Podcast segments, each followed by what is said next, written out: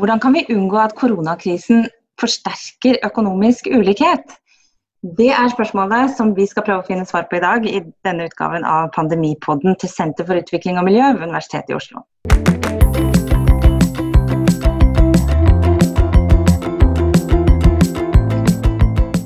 Mitt navn er Benedicte Bull, og jeg er professor ved senteret. Og I Pandemipodden så ringer jeg til mine kolleger på hvert sitt hjemmekontor og spør dem om saker av betydning for årsaker til eller konsekvenser av koronapandemien, som jeg vet de har mye greie på. I dag så skal vi bevege oss litt utenfor Sum, til eh, Institutt for økonomi på Universitetet i Oslo, og snakke med professor Kalle Mone, som er eh, professor i samfunnsøkonomi. Trenger sikkert ikke så veldig mye mer eh, introduksjon, tror jeg, for våre lyttere. God morgen, Kalle. God morgen, ja. Fint å se deg. Vi var det. Vi begynner vel å bli litt sånn trøtte på dette hjemmekontoret nå, tenker jeg. Litt, øh, men det går fint. Ja. Um, og du har jo ikke ligget på latsiden. Vi har lest og hørt ganske mye av deg i løpet av disse ukene. Uh, ikke minst en artikkel i Aftenposten i forrige uke hvor du snakker litt om hva uh, tiltakene som vi setter i gang og gjenåpningen kan kan medføre. Og Nå begynner, liksom, begynner samfunnet så smått å åpnes opp, og vi skal prøve å sette hjulene i gang igjen. Hva tenker du er de største feilene vi kan begå akkurat nå?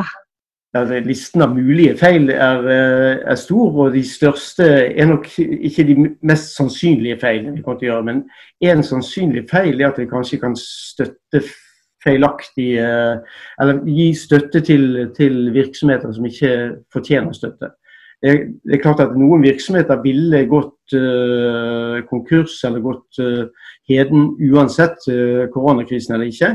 Nå er koronakrisen en mulighet for disse selskapene til å klare seg, for nå er det mer sjenerøse støtteordninger. så det vil være én feil. En annen, altså Et eksempel kan det antagelig være Norwegian en annen type feil er at vi ikke benytter anledningen til å legge det litt mer om i grønn retning. At en uh, setter noe mer vilkår for støtte. At en, at en legger om politikken uh, eller virksomheten i en bestemt retning. Og da er det selvfølgelig, Dersom det blir et kriterium, så, så er det jo viktig for, for næringslivet å presentere seg som om de har veldig grønne forslag for om mulig å få mer støtte. og derfor det, hadde det vært fint om en hadde større beredskap på dette området. At en hadde bestemt seg mer hva en skulle gjøre, sånn at en, en, tok eh, økonomien mer i en bærekraftig retning. Det er jo bærekraft som er den viktige ubalansen på lang sikt, i tillegg til ulikhet i de aller fleste land. Og de to tingene henger jo sammen. Men jeg tror akkurat det å, å, å støtte ikke-støtteverdige tiltak, enten det nå kommer av at en har kosmetikk rundt det som dreier seg om at dette er veldig grønt, Eh, eller at en har eh, kosmetikk rundt at dette er, eh, dette er ting som nå trenger vi virkelig støtte, men de hadde ikke klart seg uten koronakrisen. Men de tiltakene som man har satt i gang, hva syns du de tar tilstrekkelig høyde for for bl.a. det med omlegging til en grønn økonomi? Det ser ikke sånn ut. Det er akkurat som en, er litt redd for at, eh, at en skal få forsinket støtte. Uh, og Det kommer av at en ikke har forberedt seg godt nok på at en, en burde jo hatt en liste i, i, Alle land burde ha en liste av gode miljøprosjekter som skal settes i verk når det liksom er ledige ressurser. Gjerne uten, uh, uten at det blir noe krise, men i alle fall når det er en krise. når en har liksom dårlig avkastning på alternativ bruk av ressursene, så bør en sette i gang, men etter en prioritert liste som, som var beregnet på det som ga mest bærekraft og som var mest samfunnsøkonomisk fornuftig å gjøre. Eh, men noen slik liste finnes ikke, noen slik plan finnes ikke.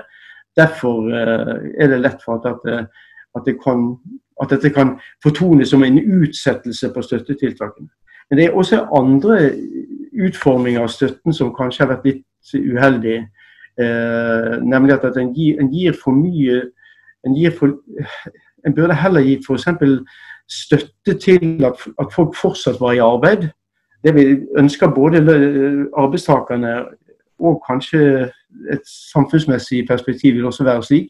Mens nå får en støtte betinget av at en har mistet jobben. Eller, så det, en gir for mye en, aksjen gir støtte til inaktivitet. Eh, en skal jo det i noen tilfeller, for noe av nedstengningen er jo å være inaktiv.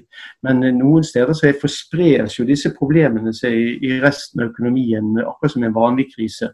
Og, og da vil en jo ønske heller kanskje lønnstilskudd enn en, en, en, uh, Nå kommer det noen som er våken her. Uh, enten lønnstilskudd eller støtt, mindre arbeidsgiveravgift eller sånne ting kunne vært kunne vært brukt sammen med de tiltakene som har vært. Men jeg tenker også, um, altså, og det, det, har det jo også vært en del kritikk av. Vet du hvorfor det ble Var det litt sånn panikkartet da det ble sluppet så fort løs, og man endret permitteringsreglene og dette, disse tingene? Altså det, jeg tror det skjedde litt fort, det tror jeg er riktig. Også, det, burde, det, burde, jo være litt applaus for at, at, de, at de kastet seg om. men i alle, i alle situasjoner, krisesituasjoner ellers, det første en tenker på, er jo sine egne venner. Og Det var litt eh, avslørende at det første regjeringen tenkte på, det var at nå måtte de som skulle betale formuesskatt, få utsettelse på innbetalingen av formuesskatten. Det var faktisk det første forslaget som regjeringen kom med. Jeg tror det var nesten en forsnakkelse, men det var en forsnakkelse som sa litt om prioriteringene. Og det er ikke så Altså Hvis de har andre regjeringer, så har de andre venner, og da kommer de første reaksjonene det er litt annerledes. Uh, så jeg tror det perspektivet var kanskje litt uh, framme at det var problemene sett, det var likviditetsproblemene til visse grupper i samfunnet som var avgjørende. Og De kom jo litt seint med de tiltakene f.eks. For, for folk som ikke har skikkelig sosialforsikring i velferdsstaten. Det er det er folk uten lønnsarbeid, f.eks. kunstnere, frilansere, som er en overraskende stor gruppe i samfunnet for mange. Altså De ligger antagelig et sted mellom 300 og 400 000 som er kan vi si, støtteverdige, men som ikke har de vanlige støtteordningene, for de er ikke på lønnsarbeid. Det innbefatter også selvstendig næringsdrivende. En del av kunstnerne er jo selvstendig næringsdrivende. Så der kom de seint i gang. og dette Vi hadde jo et forslag sammen med Sverre Munch at en burde, burde lage en slags uh, grunnleggende inntektsstøtte som var uh, gjerne en kriseløsning. For meg kunne det gjerne være permanent ordning, men der, der folk fikk en ubetinget støtte som lå i bunnen av systemet, som gikk til alle, helt ubyråkratisk umiddelbart. Og, og det slo nok ikke helt an, eh, det forslaget, for å si det forsiktig. Men det har jo i praksis vist seg at det hadde vært veldig behov for den type støtteordninger. Det er mange nå som ikke har fått støtte ennå, eh, som går uten inntekt. For det er et enormt byråkrati som skal til for å gi sånn finjustert støtte etter bestemte regler. Mens vi hadde en mer, eh, et, et bestemt kontantbeløp per måned. Og så fikk en heller fikse litt på dette i forbindelse med skatteoppgjøret. Det kunne også være en sånn nei-knapp, som vi sa. At hvis det er noen som ikke ville ha det, f.eks. statsansatte trenger kanskje ikke det, så de kunne ha nei-knapp på Nav-siden. At de ville ønsket det ikke. Men alle som ikke hadde trykket på nei-knappen, de fikk 10 000 kroner i måneden. Og så når skatteoppgjøret for dette året kom, så kunne jeg da fikse noe av dette i, i etterkant. At det var eh, noen som kanskje ikke Det var akkurat som de hadde utsettelse på innbetaling av forskuddsskatt. Det har vært mange måter å ordne dette på som var mindre byråkratisk. I, I, praksis har Nav nå begynt å gjøre noe som ligner på dette, for de gir forskudd. De gir forskudd på trygd. Uh, uh, men de kunne ha gjort dette med en gang. Uh, men det, ja, vi fikk ikke noe voldsomt gehør for det. Det var en debatt med en Høyre-person fra finanskomiteen. og det var liksom det var ingen ingen sans for eh, prinsippet, som jeg syns var litt rart. For det er jo et helt ubyråkratisk eh, forslag så, som det pleier å være litt mer gehør for. Ja, og det er jo ikke helt nytt heller, det forslaget, Nei, kanskje. Men eh, jeg tenker at altså, dette er jo en økonomisk krise som selv om samfunnet begynner å, å, åpne opp, så har vi kanskje ikke nesten begynt å se konturene av den økonomiske krisen vi står overfor. Og vi vet at den vil, bli, at den vil ramme ulikt. Hvordan tenker du at vi best kan sikre oss mot at det skaper økt økonomisk ulikhet på litt lengre sikt? det viktigste tingen er jo i hvert fall å være klar over akkurat det du sier. At, eh, at krisen i seg selv rammer ulikt, og at noen av støttetiltakene også eh, eh konsekvenser for økonomisk ulikhet. Det er det aller viktigste, at det må, det må fram i debatten at dette er like mye en fordelingskrise. Det er en veldig rar fordelingskrise, for noen av oss vi er i en situasjon der vi har på en måte tvunget sparing. Altså vi, vi, bruker ikke så mye som vi normalt ville brukt. Vi hadde gått mer på pub, vi hadde gått mer på restaurant, eh, underholdningstilbud, ferie osv. Som, som er nå eh, nedstengt. Eh, så Det betyr at en, en, sparer mer, mens andre har mistet inntekten sin og forbruker mindre av den grunn. Og det er klart at her er det, Dette er veldig økonomisk. er den forskjellen enorm på de som har tvunget sparing, og de som har tvunget reduksjon i forbruket eh, fordi de har tapt inntekt. Og det er klart at den, den grunnleggende ubalanse innad i, innad i arbeidsstokkene blant vanlige folk, eh, som burde gi opphav til ja, Tenk på sånne ting som en solidaritetsskatt, f.eks. At, at Bare for å ta et eksempel. Inntekter over 600 000 burde skattlegges ekstra. Eh, da vil en folk som har mistet inntekten pga. koronakrisen, vil da ikke, vil, vil da ikke bli, få den skatten, mens, mens, de som har beholdt inntekten og har høye inntekter, ville betale en ekstra skatt, sånn at det får en likere byrdefordeling. Men det, den type tiltak tror jeg er viktig. At en tenker, eh, at en tenker ulike, akkurat som du sier, hvilke ulikhetskonsekvenser krisen i seg selv har. Det er også store forskjeller mellom typer av bedrifter her og typer av ansatte. Så det, det, det er like mye typen av jobb en har som, eh, som er avgjørende. Eh, ikke liksom hvilken lønn en hadde i utgangspunktet. Så En kan bli rammet veldig hardt, selv om en var i en, en bransje som normalt ville gi høy, høy uh, inntekt. Så et tredje ting tror jeg er viktig at det kommer til å bli byrdefordelingen av krisen kommer jo i etterkant.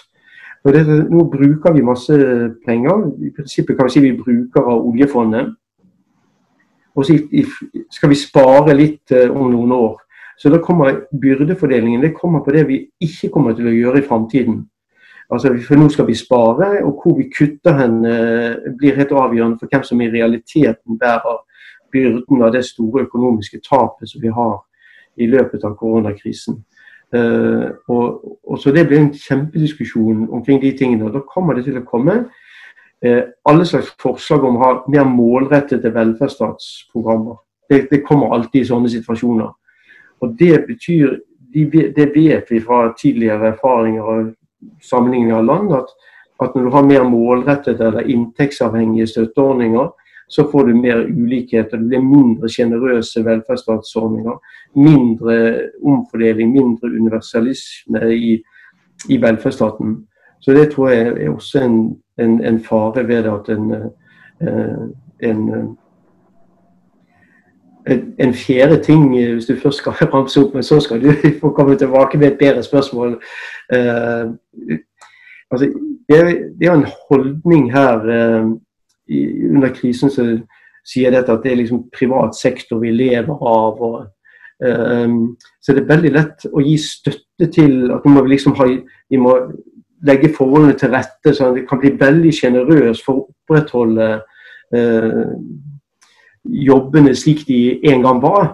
Uh, som innebærer at, at bedriftseiere får masse støtte, uh, og kanskje unødvendig masse støtte i noen tilfeller. Istedenfor burde en tenke liksom litt alternativt. At, at, det er viktig at vi kommer tilbake til noe som ligner på det som var. Men kanskje, kanskje en burde se litt sånn på ny på eierskapssiden.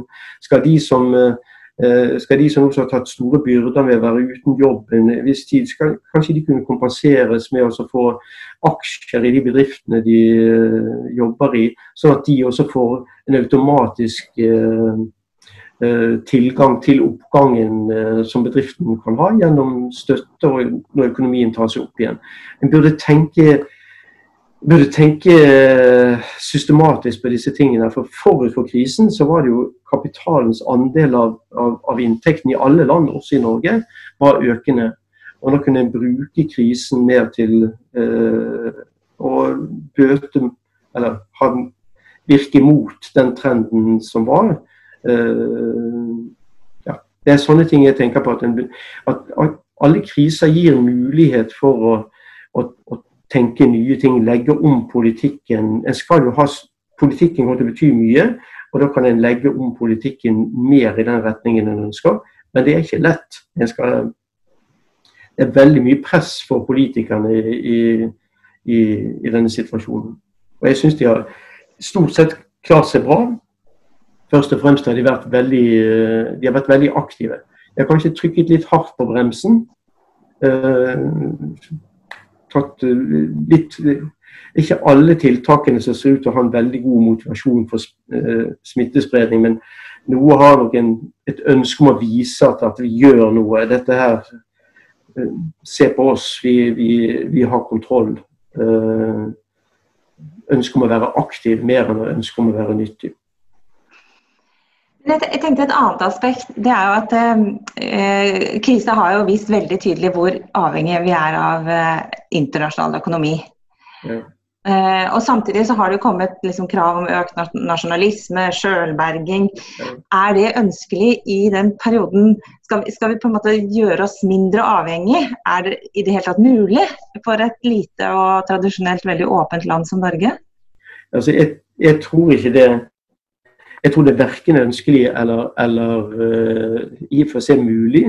Uh, men, men, her må en passe seg litt uh, altså, Her kan jeg bli påvirket av mitt grunnleggende syn er, og politiske ønsker, som er mer et åpent samfunn, åpent til verden osv. Så videre. sånn Det jeg sier nå er nok litt farget av det, men jeg tror det er mer å hente på å spre den økonomiske samkvemmet med utlandet på flere land, på flere markeder, på flere underleverandører, på flere kunder, som kanskje på marginen kan være noe mindre lønnsomt i gode tider, men som vil være en veldig god forsikring i tider som vi er, som vi er midt inne i. Altså vi, eh, vi rammes jo også til knapphet på visse ting. Eh, ta bilindustrien, nå har ikke vi så mye her. altså vi har men, men, bilindustrien generelt, det, mye av knapp, mye av, det stopper opp fordi at det mangler underleveranser. Halv, halvferdige produkter som de bruker, maskinene som settes inn som bygges i et annet land. Og Sånn vil vi også ha en del av i, i, i Norge, men det er spesielt tydelig i, i bilindustrien. Um, så, så jeg tror det, det å tenke litt mer forsikring i forbindelse med internasjonalisering at en ikke satser bare på at Kina skal være et marked, f.eks. Eller at en bare skal kjøpe fra Kina. Men at en, eh, at en også sprer det på flere land. Hvordan en akkurat skal gjøre det, det er ikke så mange virkemidler en har her. Men det er viktig også for næringslivet sjøl å tenke sånn, for de rammes av, av den følsomheten som dette gis. Dette gir eh, hver enkelt, eh, eh, hvert fall større bedrift. Jeg tror, jeg tror eh, eh, at det som har vært spesielt med de nordeuropeiske land, det er at de har hatt høy grad av likhet, samtidig som de har hatt en høy grad av åpenhet til, eh, til verden utenfor. Hva skal si, eh, internasjonalisering samtidig som en har på en måte omfordeling små forskjeller innad. Og Jeg tror at de to tingene sammen egentlig passer ganske godt folk som, eh, land som har prøvd å være mer avstengt fra internasjonal konkurranse, har fått mye mer eh, si, unødvendig ulikhet eh, og, og, kostbar ulikhet innad i landet eh, enn land som har vært åpne for konkurranse. Du kunne kanskje si dette, Land som er åpne for konkurranse på internasjonale markeder, de må finne effektive løsninger med små forskjeller innad for å klare den konkurransen.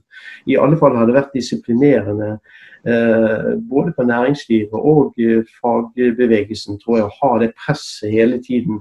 At det, det de lager skal selges, 50% av det de lager skal selges på internasjonale markeder.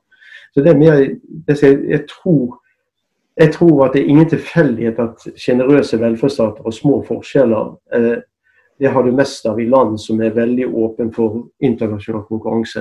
Og Hvis vi skulle stenge av dette nå, så tror jeg det, vi noe av det som har vært særpreget for eh, Skandinavia. lett kan forsvinne. En annen ting som har vært særpreget for Skandinavia, det er jo liksom den norske modellen, eller nordiske modellen og trepartssamarbeidet. Denne måten å skape politikk på. Og det har jo blitt ganske mye omtalt i den, den krisa nå, hvor viktig det har vært. Ja. Tror du denne, eh, denne, formen for politikkutforming og, og, og, tror du at den kommer styrket ut av denne krisa, eller kan vi se at den kan svekkes? Nei, Jeg tror den kommet styrket ut av det. Altså, jeg tror jeg tror den ikke skal undervurdere det at store organisasjoner har en felles oppfatning av hva problemet er. Og de konkurrerer ikke liksom, de, de, kan snakke åpent sammen om hva som problemet virkelig er, og hvordan de skal gripe det an. Så liksom Konsensuselementet i viktige politiske tiltak er ganske stort som en konsekvens av dette. Du kunne også se hvordan krisepakkene ble liksom eh, endret. Først kladden som ble laget av, uh, av, regjeringen, så kom det til Stortinget, organisasjonene kom inn osv. Dette var veldig bra uh, for det endelige resultatet. Jeg tror uh, den type innflytelse nedenifra, både innad i organisasjonene og fra organisasjonene til politikken, det tror jeg har det har vist sin styrke her. altså At en, en klarer å mobilisere samtidig som en har dette i seg selv tillitsskapende også.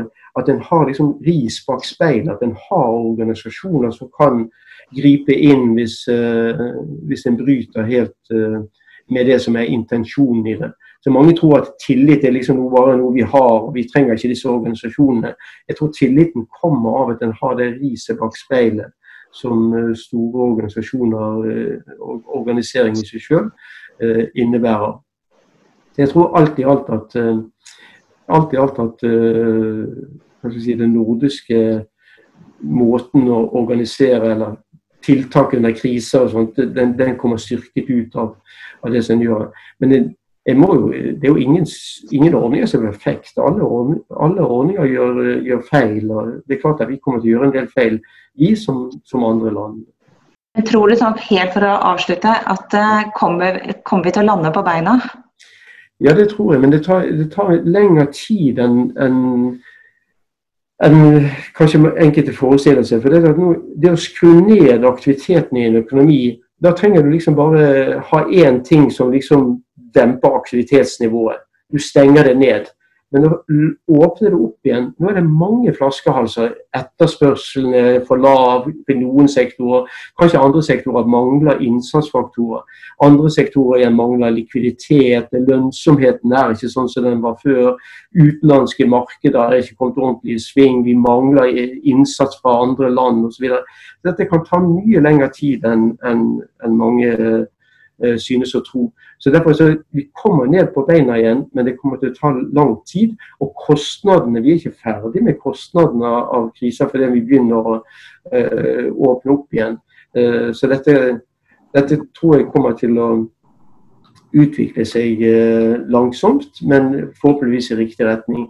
Vi er mye bedre stilt enn f.eks. mange utviklingsland, som kommer til å bli både rammet av nedskaleringen i verdensøkonomien og de lokale krisetiltakene. Altså det, vi vet jo at, at uh, verdens såkalte ekstreme fattigdom kommer til å øke med 40-50 millioner mennesker. Uh, og I tillegg tror jeg at de lokale tiltak kommer på toppen av dette, som vil gjøre forholdene. Så vi, skal, vi, må, vi må ikke være oss sjøl nok når vi ser på, på krisen. Altså, den virkelige koronakrisen kan kanskje komme i Latin-Amerika, i Asia, ikke minst i Afrika. Så eh, vi må, vi må, være, vi må holde liksom vi, vi, må også ha, vi må ikke bare ha mikroskopet når vi ser på, på krisen her, vi må også ha et teleskop som ser litt langt på andre land, som ikke er like heldige som oss.